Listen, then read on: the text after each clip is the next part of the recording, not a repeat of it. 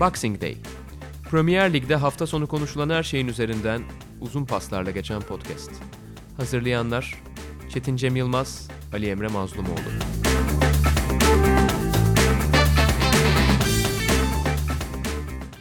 Sokrates Podcast'a hoş geldiniz. Premier Ligi konuştuğumuz program Boxing Day'de ben Ali Emre Mazlumoğlu, Çetin Cem Yılmaz'la birlikteyiz.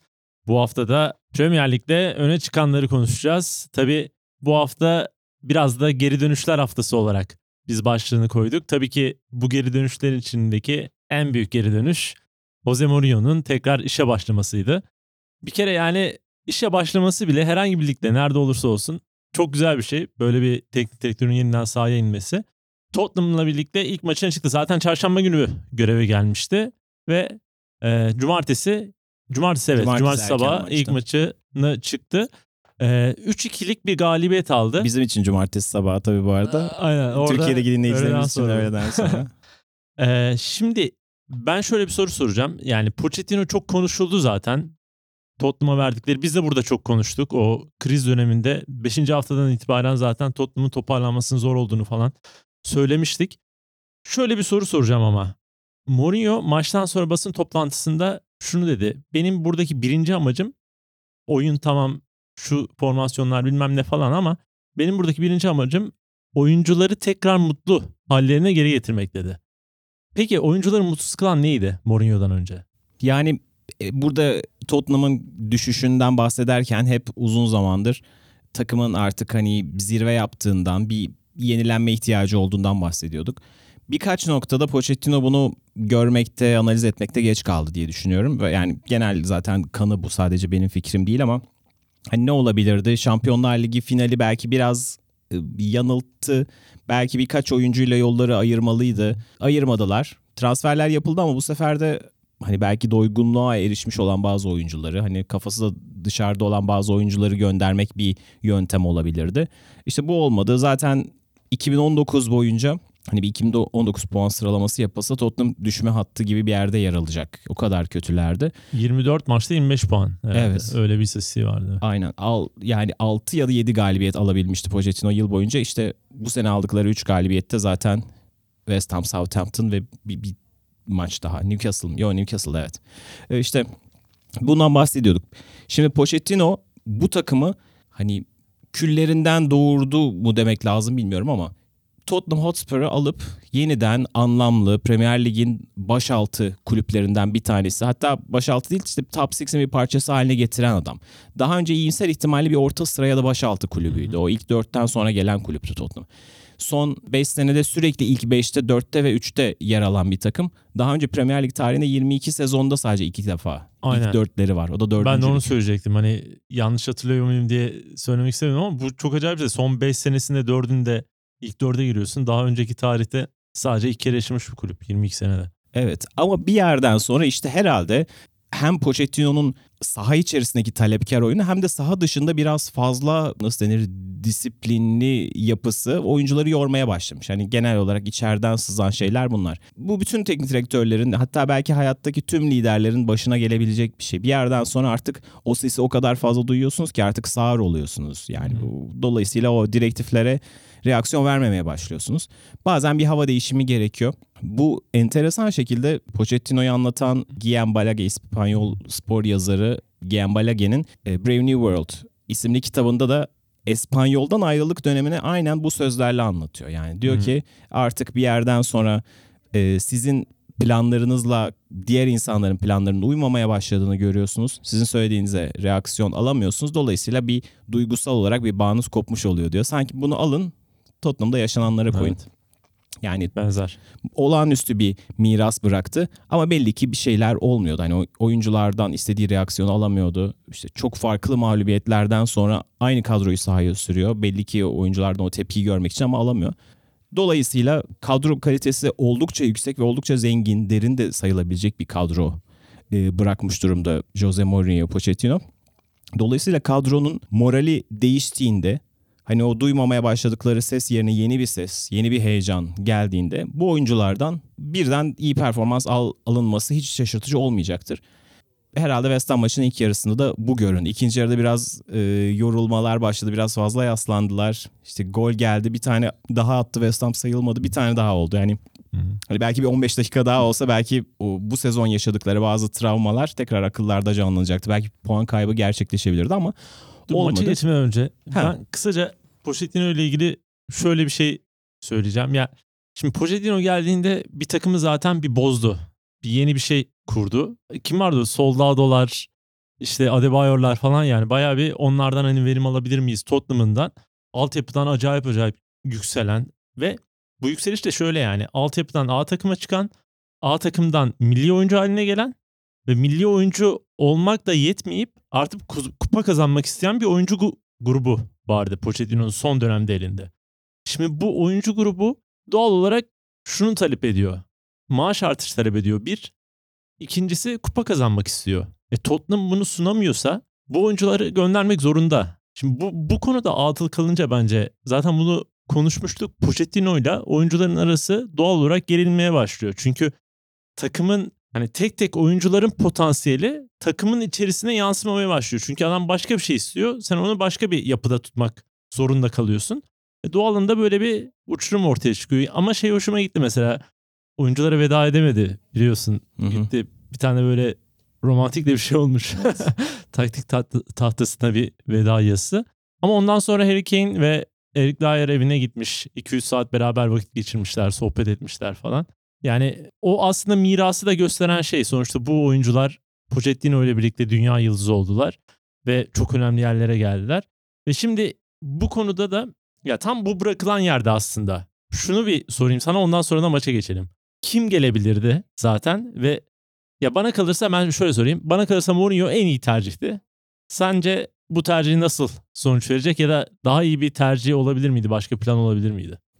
Açıkçası romantik Tottenham taraftarının gözünde Mourinho en iyi tercih değildi. Bu romantiği burada hani genelde artık negatif bir anlamda kullanıyoruz ama ben öyle kullanmıyorum. Ee, ben de onlardan bir tanesiyim. Çoğu ki- kişi ki bunlara Mourinho dahil.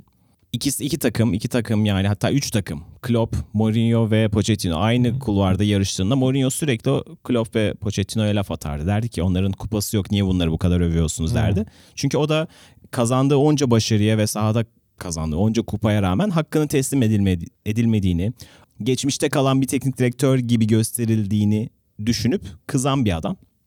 Diğer taraftan benim de aralarında olduğum pek çok insan evet tabii ki kupa kazanmak çok değerli ama bazı şeyler vardır ki işte takıma statü atlatmak, oyuncuların gelişimini sağlamak, bunları bir plan ve bütçe dahilinde yapabilmek. İşte bunlar da aslında günümüz futbolunda kupa kadar değerli. Tottenham'a tarihinde ikinci kez Avrupa finali oynatan bir teknik direktör. Hani kupası yok diye ezmek doğru olmaz. Ve Mourinho sürekli bunun mücadelesini veren bir adamdı. Bu yüzden buraya e, dikkat çekmek istiyorum. Bir yerden bunlarla tırnak içinde avunan bir taraftar grubuna çok daha pragmatik bir teknik direktör sunuluyor şu anda. Doğru kısa vadede bir şeyleri gerçekleştirmek için belki de en ideal adam. Şu anda boşta olmasının çok büyük etkisi vardır. Yani şimdi Mourinho ya da o statüdeki bir teknik direktör boş olmasaydı muhtemelen Pochettino daha görevinde kalırdı. Yani bu biraz 4 sezon önce Liverpool'da da benzer şey olmuştu. Yani yine bir milli arada Brandon Rodgers kovulmuştu. Kovulmasının en önemli sebeplerinden bir tanesi o sırada Klopp boştaydı. Çünkü Klopp da Mourinho da pek çok büyük kulüple adı yazılan oyuncu e, teknik direktörler. Dolayısıyla kapılmaması gerekiyordu.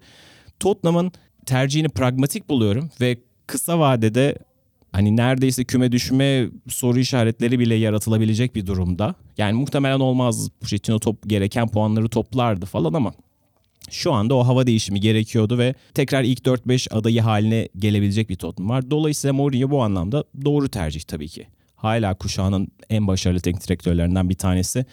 Belki sondaki United e, tecrübesi ve Chelsea'deki son Evet. sezonu hayal kırıklığıyla da bitmiş olsa bahsettiğimiz kulüplerde de yine bir dolu kupa kazandığını unutmayarak ve kendisinin de ilk basın toplantısında söylediği gibi hani hatalar yaptım. Şimdi yeni hatalar yapacağım. Eski hatalarımı yapmayacağım dedi. Çok sempatik ve pozitif Evet. yaklaştı. Hani Pochettino'nun da ve Pochettino'ya gönül veren taraftarın da gönlünü almayı başardı. Zaten çok akıllı ve politikayı da iyi bilen bir adam. Kulüp içi politikaları da iyi bilen bir adam ama mesela United Tam yönetici işte ya. Evet Menajer yani. abi adam. bu tip şeyleri iyi beceriyor. Şimdi bambaşka bir challenge var ama karşısında. Tottenham'da Daniel Levy ile nasıl uğraşacak diye.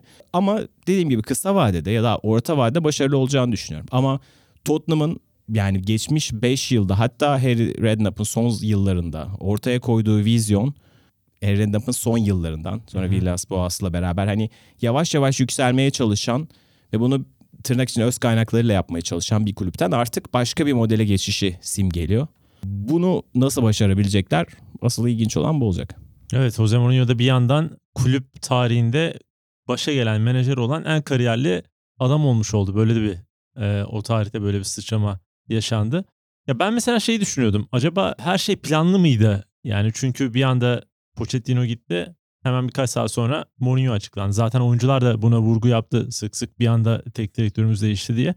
Ama şunu öğrendikten sonra aslında çok da planlı gitmemiş. Çünkü yani bu cumartesi Mourinho'nun şeyi varmış. Infantino ile birlikte bir tane Afrika ülkesi tam bilmiyorum. Yani daha doğrusu ismini hatırlamıyorum şu anda. Orada bir seminer gibi bir şey vereceklermiş işte federasyonla konuşmalar bilmem ne. Yani programı varmış. Ama o programı iptal etmek zorunda kalmış tabii. Bir anda böyle bir teknik direktör olunca. Yani ne olursa olsun Pochettino'nun gitmesi kimsenin içine sinmedi. Ne oyuncuların içine sinmiştir. Onunla sorunu olan oyuncuların içine bile sinmemiştir. Ne de Mourinho'nun içine sinmiştir. Ama sonuçta göreve geldi ve ya bu tip anlarda bir kriz var belli ki. Ve bir anda takımı yukarı taşımak istiyorsunuz. Ya kısa vadeli çözüm de arıyorsun. Ya bunda sadece bir uzun vade hadi bu yılı bıraktık bir dahaki yılı bıraktık sonraki yıllara bakalım arayışı da değil bu. Kısa vadede takımı toparlayıp belki bir şampiyonlar gibi çıkartabilecek bir adam arıyorsun ki Mourinho zaten bunun için biçilmiş e, kaftan senin dediğin pragmatik özelliklerinden dolayı. Ve şimdi biraz da maça girerek şu Bir- soruyu soracağım. Maça girmeden önce gerçi oradan da girebiliriz de şunu evet altın çizmek gerekiyor. 2016 yılındaki Tottenham kadrosunu Mourinho'ya ver. Mourinho ondan belki iyi bir yemek çıkartamaz. Hı hı. Ama Pochettino o ekipten işte e, Harry Winks'leri, Harry Kane'leri, Danny Rose'ları, e, Dele Alli'leri yavaş yavaş çıkarttı. Bunları hani kulüp bünyesinden çıkarttı. Biraz hani kariyeri de olan ama gerçek anlamda süperstar olmamış işte Arder, Alderweireld, Vertonghen, Eriksen gibi oyuncuları da dünya yıldızı haline getirdi. Dolayısıyla o emeği gösterdi ve oyuncuları bu şu anda olduğu hale getirdi. Ama şu anda Mourinho doğru tercih çünkü bu oyuncular dünya yıldızı ve potansiyellerini hani ortaya koymuş durumdalar. Dolayısıyla elinde çok güçlü bir kadro var. Yani hani pahalıya kurulmamış bir kadro bu ama çok değerli bir kadro var. Dolayısıyla iyi bir Şampiyonlar Ligi yürüyüşü şu anda son 16'ya kalmış durumda yani e, Tottenham garantilemiş durumda. E, iyi bir Şampiyonlar Ligi yürüyüşü belki bir, yine bir çeyrek final bir yarı final. Ligde eğer becerilebilirse ilk 4 ki şu şartlarda 5-6'da kimseyi üzmez yani. Evet. Ee, hani- 5-6 da çok zorlamaz Tottenham aslında. Bana Evet. öyle geliyor. Yani şu şartlarda ligi Arsenal'in üzerinde bitirmesi Tottenham adına hani en kötü başlangıcımıza rağmen sizi geçtik diyebilmek bile Hı hı. bir önemli bir e, aşama olur. Hani dolayısıyla çıta çok çok yüksek değil bu sezon için. Mourinho da bunları gayet de başarabilir. Oradan maça O zaman ilk maça şimdi bakarak e, Mourinho bayağı da bir övüldü. Özellikle ilk 45 dakika hatta ilk 50-55 dakikası maçın çok iyi değerlendirildi. Şimdi baktığın zaman sahaya sadece sahaya odaklanırsak nasıl bir Tottenham gördün? Bu soru aslında şununla ilintili. Mourinho bu uzak kaldığı bir senede kendi adına futbol adına neler çıkarmış? Çünkü sen de biraz altını çizdin. Eskide kalmış bir teknik direktör olarak değerlendirildiği için ilk maçta ne yapacağını ben mesela çok merak ediyordum. Burada maç saat 7.30'daydı hı. sabah biliyorsun hafta sonu. Hafta içi zaten erken kalkıyoruz. Hafta sonu uyuruz falan diye düşünürken Mourinho'nun maçı nedeniyle 7'de uyandık ve o heyecan yani bize bile yansıdı burada. Sen ne sonuçlar çıkardın bununla ilintili olarak? Yani şurada hani Mourinho uzak kaldığı bir yılda kendini şöyle geliştirmiş falan demek tabii ki haddime olmaz yani. Hep de kendisinin de açıkladığı bir şey vardır. Mourinho aslında tek tip bir oyun oynamadı hiçbir zaman. Yani e, işte Inter'de oynadığı oyunla Madrid'deki. Madrid'deki oyun birbiriyle tabii ki aynı değildi. İlk haftada Tottenham'da ne gördük dersek hücum oyuncularını mümkün olduğu kadar onların yaratıcılığını ortaya koyabilecek bir şekilde e, dizayn ettiği bir kimisinin 4-2-3-1'den 3-2-5'e geçiş olarak Michael Cox bunu böyle özetlemiş. Hı hı. Gayet de e, kullanışlı bir versiyon. En basit haliyle böyle kul- şey yapabiliriz, değerlendirebiliriz. Çünkü Dele Alli Eriksen ve Lucas Moura bir türlü istikrarlı şekilde skor katkısı alamadığı oyuncular bu sezon için söylüyorum. Geçen sezonda Lucas Moura hep genelde e, kenardaydı. Bir türlü ilk 11'de devreye giremiyordu. Bunların hepsinin birden verimli olabileceği bir diziliş olarak göründü en azından bu hafta ve Delali zaten golleri ve asistleriyle yani ve aynı zamanda çok uzun zamandır sadece Pochettino'nun hani son zamanlarında birkaç senedir görmediğimiz e, ve ilk çıkışındaki gösterdiği potansiyele yaklaşan bir oyun oynadı. En önemli fark buydu açıkçası benim an, şey, görebildiğim kadarıyla. Şimdi dediğim gibi oyunculardaki o mental olarak biraz bir bir, bir rahatlama getirir böyle şeyler. Bir hava değişikliği her zaman iyi geliyor yani oyunculara. Bu bir gerçek ve Mourinho gibi gerçekten oyuncuların tamamından daha kariyerli bir teknik direktörün de bunda etkisi vardır. Yani oyuncular Pochettino'ya belki bir noktada yavaş yavaş saygılarını yitirmeye başlamış olabilirler. İlla yitirmişlerdir demiyorum ama bir anda tak diye karşılarına Mourinho geldiğinde de bu adam iki defa Şampiyonlar Ligi'ni kazanmış, Premier Ligi üç defa kazanmış, İspanya'da, İtalya'da kazanmış. Dolayısıyla hepimizden çok daha fazla görmüş geçirmiş diye bir heyecan uyandıracaktır. O da kimilerini işte yok Mourinho çok savunma oynatacak, otobüs çekecek falan filan derken tam aksine bütün hücumcuları sahaya attı ve onlardan maksimum verimi alacağı bir dizilişle e, sahadaydı. Bir de 10 aydır deplasmanda kazanamayan evet. bir kazanamayan bir takımlar dışarıda bunu yaptı. Evet. O. Çok heyecan verici bir başlangıçtı ama şöyle de bir şansı da vardı. West Ham gibi hani formsuz kötü bir zamanında yakaladılar ama hani e, böyle bir şey fikstürle başlamak avantajlı. Dolayısıyla bunu da çok iyi değerlendirdiklerini söylemek gerekiyor. Evet önündeki fikstür de fena değil aslında. Bournemouth'la oynayacaklar. Belki oradan bir maç daha böyle kazanma ihtimalleri var. Evet. Sonra da United deplasmanına gidiyor. O da farklı bir motivasyon olacaktır Jose Mourinho için. Ya e, şimdi maçta evet ben mesela şeyi bekliyordum. Son ve Mora ikilisini oynatmasını bekliyordum. Çünkü hani o direkt hücumu seven hocalardan biri Mourinho. Onların olması beni çok şaşırtmadı ki zaten oyun planına da çok sadık şekilde gitti. O ikinci goldü sanıyorum e, Mora'nın attığı gol değil mi? Hı hı. İkinci golde zaten son hızlı bir şekilde getirip Mora'yı kesiyor. Tam yani e, kafasında düşündüğü ulan nasıl gol atarız hani Sergen çiziyormuş ya hı hı. kitaplara. Onun gibi yani çizdiği gollerden biridir muhtemelen bu. Ya beni şaşırtan aslında şey oldu yani Dele Ali evet çok iyi oynadı. Belli bir kafa olarak da bir değişme var ki o berbat espriyle değişmesi de onu biliyorsun vurgu yapmışlar. Sen kardeşin misin? Ha, evet. Gerçek Dele Ali misin? O zaman onun gibi oyna falan diye. Abi Dele Ali çok boşluk bulmadı mı ya? Ben Dele Ali'nin iyi oynamasının sebebini hakikaten West Ham United'a ba- bağlıyorum. Çünkü o kadar rahat getindi ki o, o ilk dörtlü ile ikinci dörtlü blok arasında yani hiç kimse yok gibi bir şeydi. West Ham o kadar dağınıktı ki orada Kane de zaman zaman derine geldi. Top çıkardı falan. Çünkü orası o kadar boştu ki herkes kullanmak istedi orayı. Ve oradan zaten sağa sola çok rahat paslar yaparak hızlı çıkma şansı buldu Tottenham. Ya ben düşünüyorum tamam güzel bir oyun tarzı vardı bir de özel bir şey yapmış yani. Ben Davis'i geride tutup senin anlattığın gibi üçlü savunma. Sağdan işte oraya çıkıyor. İleride bir kalabalığı sağlamak için rakibi açmak için beşli bir şeyler kuruyor falan filan. Bunlar çok özel şeyler, hazırlanılmış şeyler. Belli kafasında bir şey var. Buna bir şey demiyorum ama sende şu soru işareti olmadı mı? Bende oldu. Acaba Tottenham bu kadar iyi oynaması sebebi West Ham mı? Ee, şüphesiz yani West Ham bu kadar formsuzken e, yakalanması e, Tottenham adına bir şanstı. Bu arada az önce şeyde yanıldım bu arada. Eriksen yoktu tabii ki de. Şimdi şeylerden bir tanesiydi. Ee, o konuda hatalı bir şey yaptım. Yanlış kaldı aklımda. Fakat şu bir gerçek.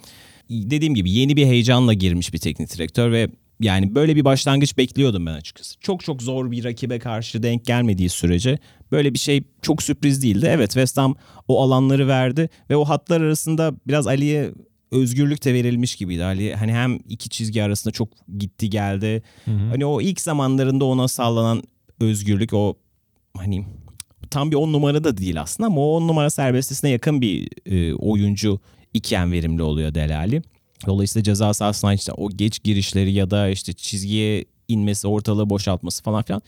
Ve ilk defa yıllardır yapmadığı şeyi yaptı. Evet bunda West Ham'ın çok büyük payı var. West Ham çünkü benzer şekilde bir dolu yetenekli oyuncusu olan ama bunları aynı anda nasıl kullanacağını bir türlü çözemeyen bir yapıda. İşte ilk haftalarda bize çok heyecan vermişti çünkü üst üste aldıkları bazı galibiyetlerde işte Yarmolenko olsun, e, Sebastian Felipe Halle olsun, Felipe Anderson olsun. O, o kadar sayıda yetenekli oyuncuyla çok çok güzel paslarla gayet keyif veren hani sükseli galibiyetler almışlardı. Güzel goller atmışlardı. Ama şu anda bir süredir yaklaşık iki aydır bu oyunculardan o hani o kimya bozulmuş durumda ve akmıyor. Hücumda zaten e, savunmada zaten problemler hücuma da yansımıyor dolayısıyla. O böyle bir rakibe karşı oynamak Tottenham adına bir şanstı tabii ki. Evet işte mesela şeyde o kadar kötü ki West Ham ben hakikaten çok kötü bir takımdı. Özellikle Antonio girene kadar hiçbir şey yoktu West Ham'da ve savunma anlamında da hiçbir şey yoktu. En kötüsü bu. Hücumda zaten bir varlık göstermiyor ama savunmada da çok kötü.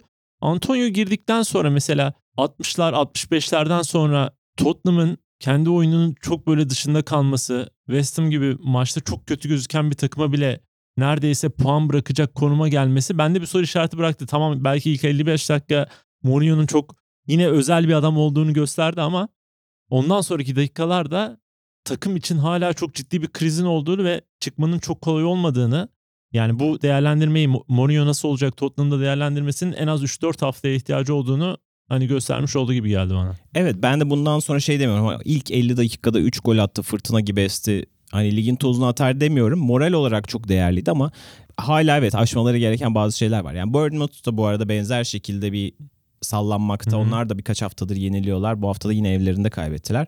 Dolayısıyla yani içeride bir Bournemouth galibiyeti takıma moral verecektir. United deplasmanı öyle ekstra moralli gidecek Tottenham ama tabii ki e, işler çözülmüş değil. Çünkü dediğimiz gibi yani bir yıldır neredeyse deplasmanda kazanamayan bir takımdan bahsediyoruz. Belli ki bazı problemler var ve onların bir günde çözülmeyeceği aşikar ama iyi bir kadro var ve buradan önemli olan hani puanları alıp yükselmek onu da yapacaklar gibi görünüyor. Evet. İstersen buradan geri dönüşler maçına geçelim. Orada Mourinho'nun geri dönüşünü konuştuktan sonra ilk konuşacağımız maçta tabii ki e, haftanın kağıt üstünde Mourinho gelmeden önce tabii ki en beklenen maçlarından maçta maçı olan daha doğrusu City Chelsea mücadelesiydi. 2-1 aldı City ama maçta iki farklı perde vardı. Birinci perde ilk 30'a kadardı. ikinci perde ik- ikinci atmıştı. Ve o iki farklı perdeden Manchester City galip çıkmayı Chelsea üzerinde buranın abisi biraz benim havası yaratarak galip çıkmayı başardı. Evet gerçekten Chelsea adına olumlu ve olumsuz olarak değerlendirebileceğim aslında şey aynı. Şimdi Chelsea büyük maçlarda problem yaşayabildiğini gösterdi. Yani Liverpool karşısında da şimdi yine e, City'ye de yenildiler. İlk hafta United'a yenildiler. Şampiyonlar Ligi'nde hem Ajax maçı hem Valencia yenilgisi falan derken aslında e, böyle sınavlarda biraz kötü sınav vermiş gibi görünüyorlar puan olarak. Ama şunu ben olumlu bir yan olarak görüyorum. Chelsea istediği oyunu, kafasındaki oyunu oynayabiliyor. Yani bu Frank Lampard'ın başarısı bence. Yani bu takım en azından planını sahaya yansıtıyor.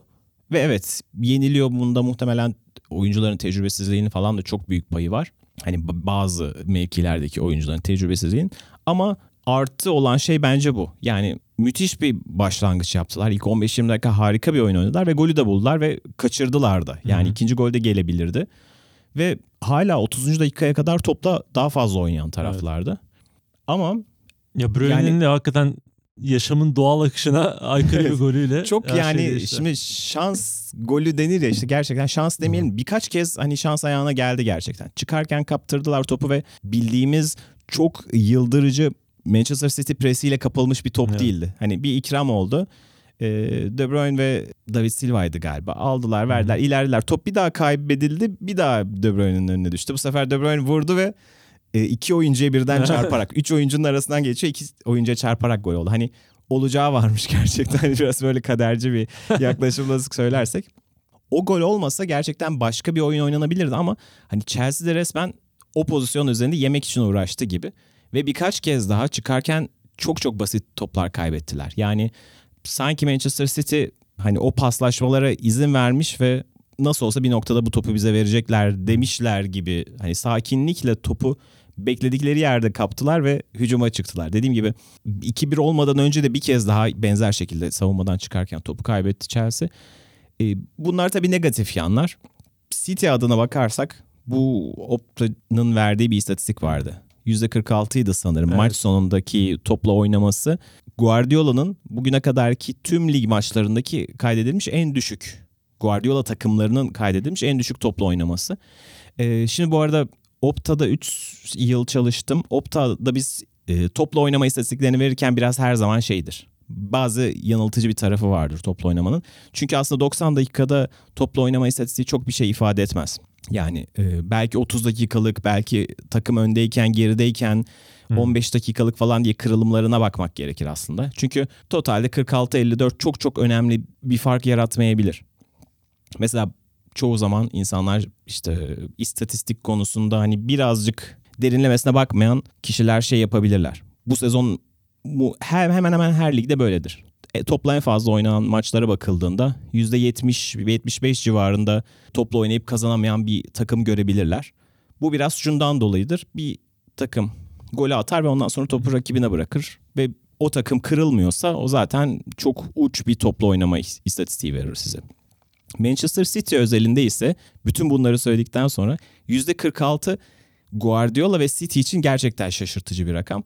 Ama hani maçın belli bölümlerinde bu çok çok daha yüksek olmuş olmalı. Hani tam 15 dakikalık kırılmalarına bakmadım ama gerçek anlamda City topu rakibine bırakmak istedi ve golü yediğinde dahi topu alıp biz kendi oyunumuzu oynayalım, haldır haldır saldıralım yapmadı. Bu enteresan bir taktikti aslında ve bir şekilde de sonuç verdi.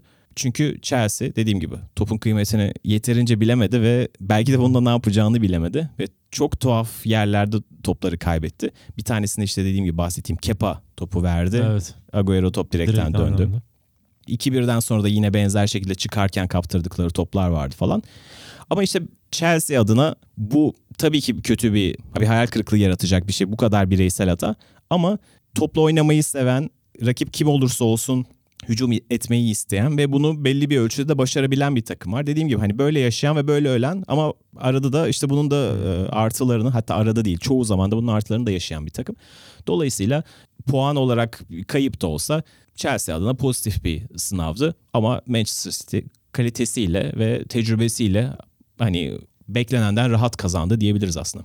Evet Chelsea bu maçı alsaydı yani o 30 dakikalık periyodu biraz daha belki 50-60 dakikalara yayabilseydi muhtemelen alacaktı zaten maçı ve o zaman çok daha farklı şeyler muhtemelen konuşuluyor olacaktı. Bize zaten ilk 30 dakika içerisinde bir yazışmıştık yani maç gerçekten Chelsea'nin olursa özel bir parantez açmamız lazım diye bu gelişimini hani irdeleyecek falan diye.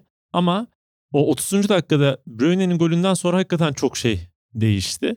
Ya bu arada ben bu Kovacic ve Jorginho'nun uyumu, ileriye gönderdiği o paslar falan beni çok mest ediyor. Yani çok iyiydi bu maçta da ilk 30 dakikalık periyotta. Zaten ilk gol Jorginho'nun asisti mi? Evet. Değil mi? Evet, Jo- şey Kovac için. Kovacic'in asisti aynen. Ama Jorginho'nun da birkaç tane pası vardı. Yani o geçiş hücum, hücumunu topu kazandıktan sonra o ikili pas özelliği o kadar yüksek ki çok rahat yapabiliyorlar.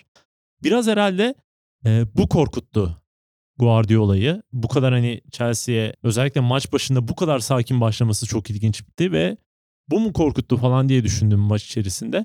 Ama sonra bunun biraz daha aslında yapısal bir sorun olduğunu sene başından beri buraya e, bu yana uzanan belki 3. 4. haftadan sonra biraz da zaman zaman krize dönüşen bir şekilde yapısal bir sorun olduğunu zaten ortaya koyuyoruz yani.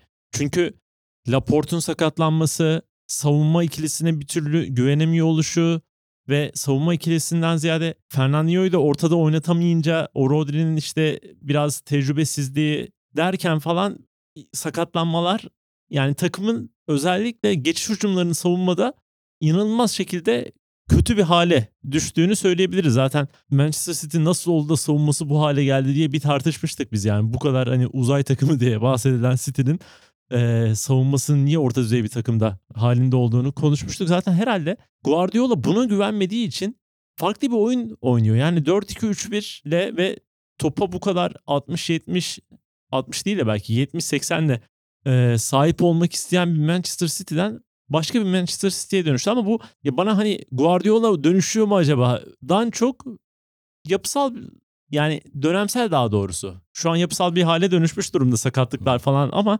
dönemsel bir süreç gibi geliyor bana. Yani biraz daha kendi oyuncularını devreye sokmaya başlayınca, kendi yani aklındakini ortaya koymaya başlayınca bunları bir daha görmeyiz herhalde. Bu Chelsea'ninki çok istisnai bir olay olarak kalacak gibi geliyor. Evet bundan sonra da ben e, City'nin hani kolay kolay yine 60'lardan çok aşağı ineceğini düşünmüyorum. Ama evet böyle de bir metodla kazanabildiklerini de görmek Hı hı. herhalde Guardiola adına hani şeydir. Hani pozitiftir yani. E, bu enteresan bu hafta şey vardı. Guardiola'nın yine bir basın toplantısından bir parça vardı. Diyor ki hani biraz da basın mensubunu azarlıyor. Soruyu bu arada bilmiyorum çünkü verilen parçada soru yok da. Diyor ki siz diyor bu hafta boyunca benimle beraber değildiniz, oyuncularımla beraber değildiniz. Biz bir plan yapıyoruz diyor. Bazen çok iyi işliyor ve kazanıyoruz. Bazen hiç işlemiyor ama yine kazanıyoruz falan diye.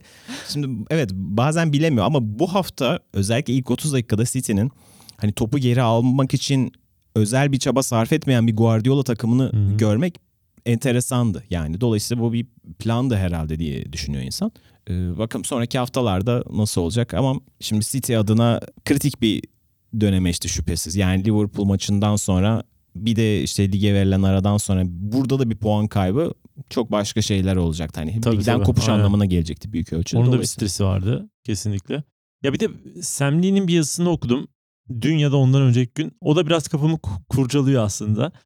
Şimdi durum biraz Pochettino'nun durumuna benzer bir hale gelir mi soru işareti var. Çünkü bir süredir aynı oyuncu grubuyla çalışıyor. Ve bu oyuncu grubundan aslında bazılarından kurtulmak ve yeni transferler de yapmak istiyor. Mourinho bunu bir süredir aslında yapamıyor. Yönetimler arasında Guardiola. e, e, pardon Guardiola. Yönetimler arasında böyle bir gerginlik de var. Ya bunu konuştuk hani Chilwell'i almak istedi alamadı. Maguire konusunda zaten bayağı bir gerildiler. O olmadı. E, Maguire alınmayınca şimdi savunmadaki defolar her ortaya çıktığında işte Guardiola haklı oluyor. Biraz daha ilişkiler hani böyle gerilimli bir noktaya geliyor.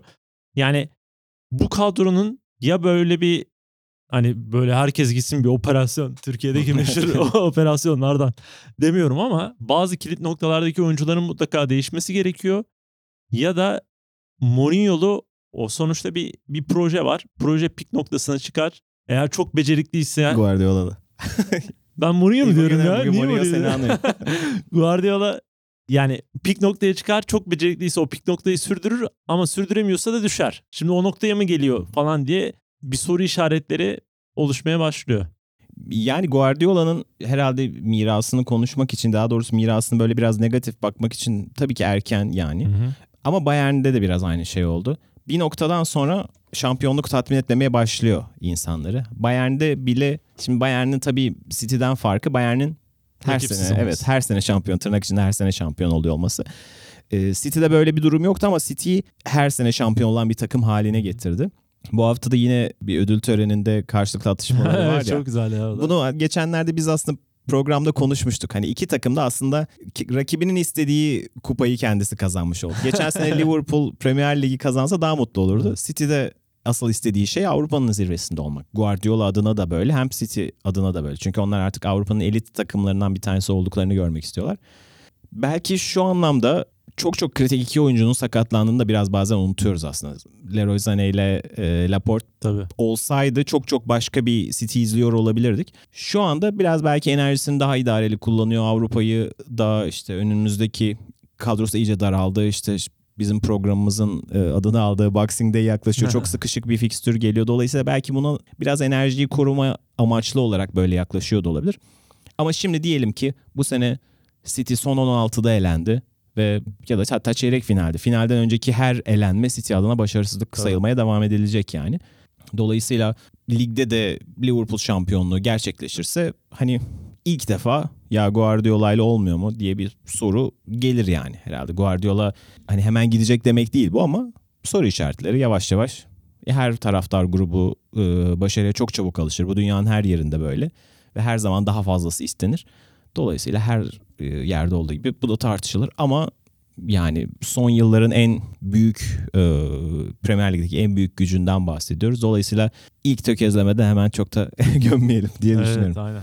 Ya zaten şöyle de bir takım yani devre arasında iki tane takviye yapıp yüzer yüzelişer milyon euroluk atıyorum. Bir anda aldır aldır tekrar o eski dönemine dönebilecek bir yapısı da olan bir kulüp yani bir yandan da. Bu noktayı koy- koyuyorsak buraya e, bir başka geri dönüşün ucuna kadar gelip orada son tekmeyi yiyerek geri düşen bir takıma geçelim. Manchester United, Sheffield United deplasmanına gitti. 2-0'dan geri geldi. 3-2 öne geçti 7 dakika içinde. Ama sonunda tartışmalı bir golle de puanları bıraktı. Daha doğrusu yani bu biraz arada puan mı bıraktı, bir puanı mı kazandı tam o demek mümkün değil ama sonuçta maç 3-3 bitti. Evet bu hafta biz her hafta programı yapmadan önce işte hafta sonunun başlıklarını kendi aramızda konuşurken Manchester United'la Arsenal'ı hani biraz beraber tutmak istedim. Yani iki takımın da bu hafta çünkü bir geri dönüşü var ama ikisi de hani bir kekremsi bir tat bıraktı iki tak- takımın taraftarında. Evet e, özellikle Arsenal taraftarı bence hani 2-1 bitmesiyle 2-2 bitmesi arasında çok bir fark aldığını düşünmüyorum. Ama Manchester United için o yenen golle çok hani yıkım Evet. oldu. Çünkü 2-0'dan 3-2 kazanılması ligin en zor deplasmanlarından bir tanesinde üstelik çok başka bir hava yaratacaktı. Ama yani yenen gol tekrar başka bir e, psikolojide bıraktı Manchester United'ı. Hani United adına kadro adına kadro açısından işte dizi açısından oldukça deneyli bir 11'di. Ve ilk yarısında kabus gibi bir oyun vardı. Yani ilk yarıda David De Gea oyunda tuttu aslında United'ı. Çok daha Farklı e, olabilirdi. farklı olabilirdi. Yani devreye 1-0 girmeleri bile başarıydı. Ki Sheffield United'ın da hiç kimseye de eyvallah yok yani. Hani biz burada bir golü attık geri kapanalım değil. Evet. Direkt yine baskı kurmaya devam ettiler. Manchester United'da Solskjaer'in bir türlü çözemediği problemlerden bir tanesi de bu. Tıpkı Pochettino gibi deplasmanlarda bu takım tamamen ortadan kayboluyor. Yani sadece e, skor alamadığını biliyoruz. Yani aylardır sürekli bu kötü gidiş var deplasmanlarda. Ama onun dışında oyun anlamında da bir şey görünemiyor. Ve ikinci gol de geldi. Ama takım çok pozitif bir reaksiyon gösterdi. İşte genç oyuncusu işte Williams hem e, gol katkısı yaptı. Mason Greenwood devreye girdi. Hani Rashford ilk defa tam Abi rolünde. abi gibi yani. O takımda o kadar fazla genç vardı Daha ki. 22 yaşında abi ya adam. Ama abi rolü. Rashford abi oldu ve hani hem asistler yaptı takımın hani oynattı falan. Hani bir 10 dakikalık 15 dakikalık muazzam bir perde izletti yani. yani herhalde o 15 dakika 45 dakikaya falan yayılsa Manchester United taraftarlarının çok uzun zamandır hayalini kurduğu Alex Ferguson ruhunu arıyorlar ya işte Solskjaer'de. İşte o olacaktı. Bu arada maç sonu Schmeichel vardı programda. Onu biraz izliyordum. Efsane kaleci. O da 7 Minutes of Future izledik dedi. Hakikaten o 7 dakikada böyle 19 yaşında, 18 yaşında ve 22 yaşında 3 oyuncunun attığı gollerle 7 dakikalık acayip bir geri dönüş yaşattılar. Ama yani 7 dakika tamam orada 7 dakika ama onun dışında da hiçbir şey yok ki.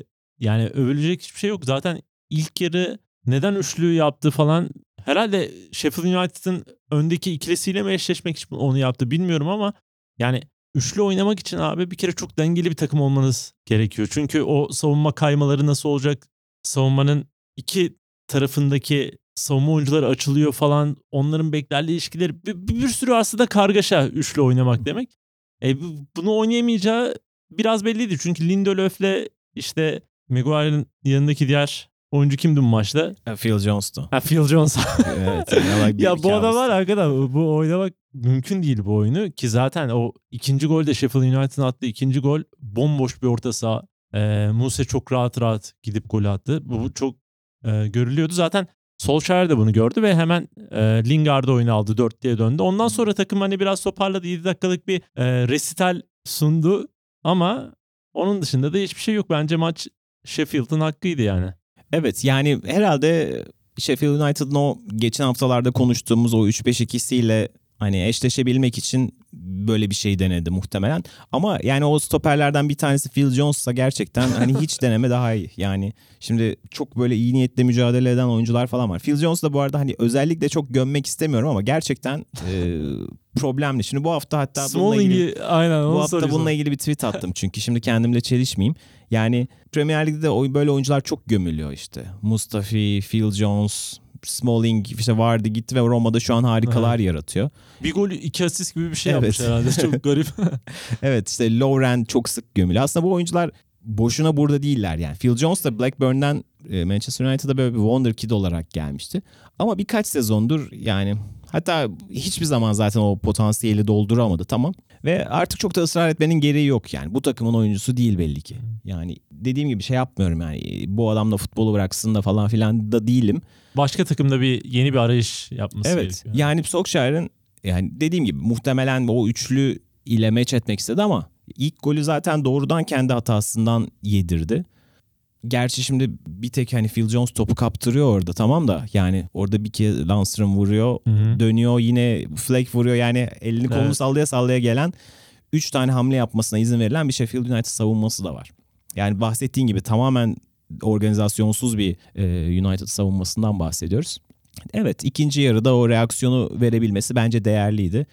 Ama skoru da tutamadı. Aslında United işte yenen gol sayısı falan filan açısından çok da kötü bir e, şeyde değil, durumda değil savunma açısından. Ama çoğu zaman onların başını beladan kurtaran bir iki oyuncu oluyor işte. En başta David De Gea falan filan Hı. olarak. Ama işte bazen de onun da yapabileceği bir şey olmuyor. Yani Muse'nin ikinci golü harikaydı mesela. Yani zor bir takım. Yani normal şartlarda burada 3-3'le dönmek ayıp bir şey değil yani. Liverpool'un bile puan kaybetmeye çok yaklaştığı bir deplasman. Ee, Tottenham kendi evinde puan verdi Sheffield'a. Arsenal burada yenildi. Dolayısıyla Tabii tabii.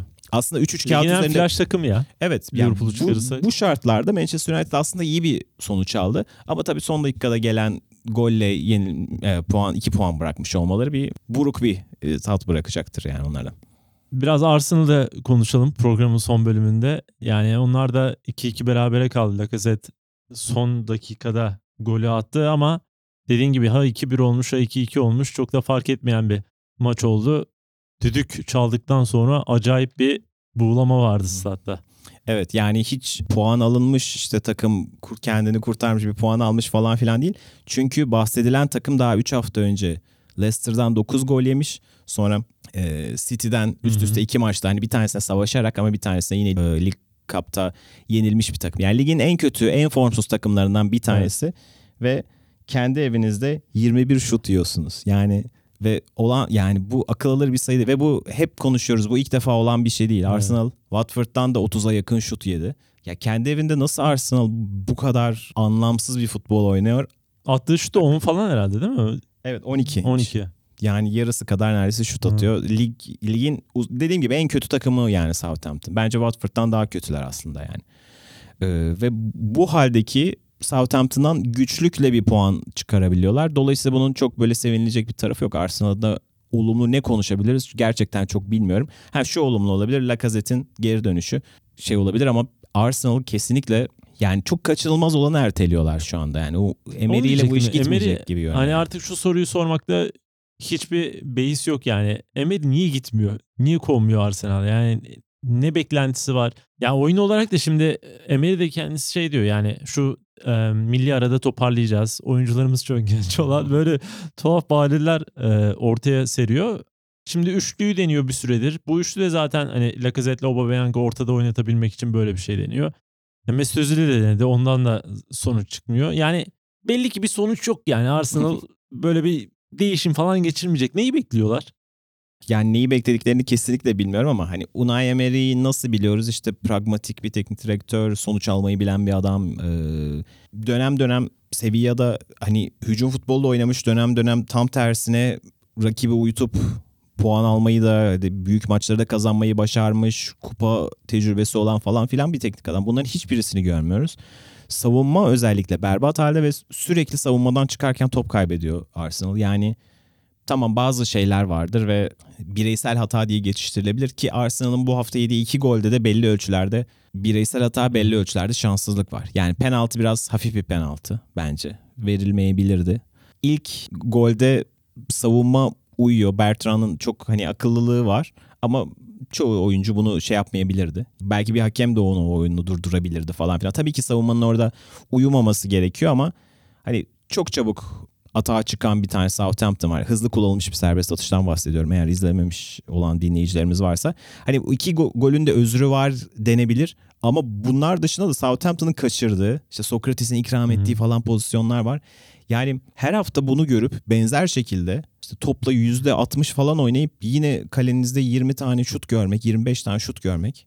Bu yani bu açıklanabilir bir şey değil. Aynı şeyi yapıp hiç rakip kalede hiç tecrü- tehlike yaratamayıp bir de bir dolu açık vermek. Evet. Yani şimdi bazı şeyler olur. Bazen çok gang ho oynarsınız ama hani 3-2 kaybedersiniz ya da işte 4-3 kazanırsınız. Bir hafta öyle olur, bir hafta öyle olur falan. Ya da çok sıkı bir takım olursunuz. Yani üretemezsiniz ki Aubameyang, Lacazette, Pepe, Mesut Özil falan gibi takı oyuncuları olan bir takımın üretememesi söz konusu olmamalı. Ama bunların ikisini de yapamamak gerçekten hani hiçbir şey yürümüyor demek. Ne savunma yürüyor ne hücum yürüyor. Dolayısıyla Arsenal'de artık hani Yollar bir an önce ayrılmalı yani çok fazla zaman geçmeden. ayrılık mevsimi geldi zaten. Şimdi başladık yani birkaç hoca gitti. Birkaç tanesi de Evet. yolda görünüyor. Marco Silva ile beraber. Evet Pellegrini de. He, Pellegrini de ona dahil. Şimdi Pellegrini, Emery, Marco Silva en önce hangisi gider sence? Abi Emery gidecek herhalde ya.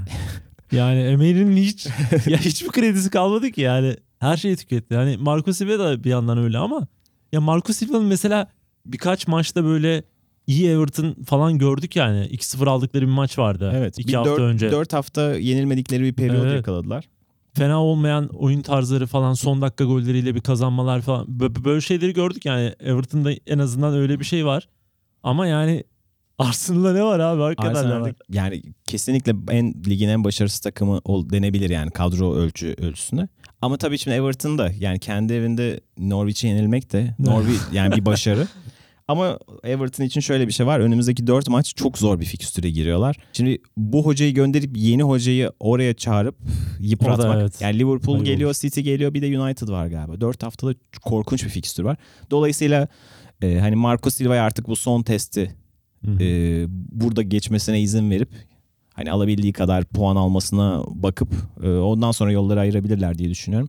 Dolayısıyla ben önce Pellegrini sonra Emery gider diye düşünüyorum. O zaman biraz programın sonuna bıraktık bilerek. Ee, her hafta rekor kıran bir takım var. Liverpool yine kazanmayı başardı ama ya ben çok kısaca şunu söyleyeceğim. Ya bu maçı kazanması da hakikaten mucize yani.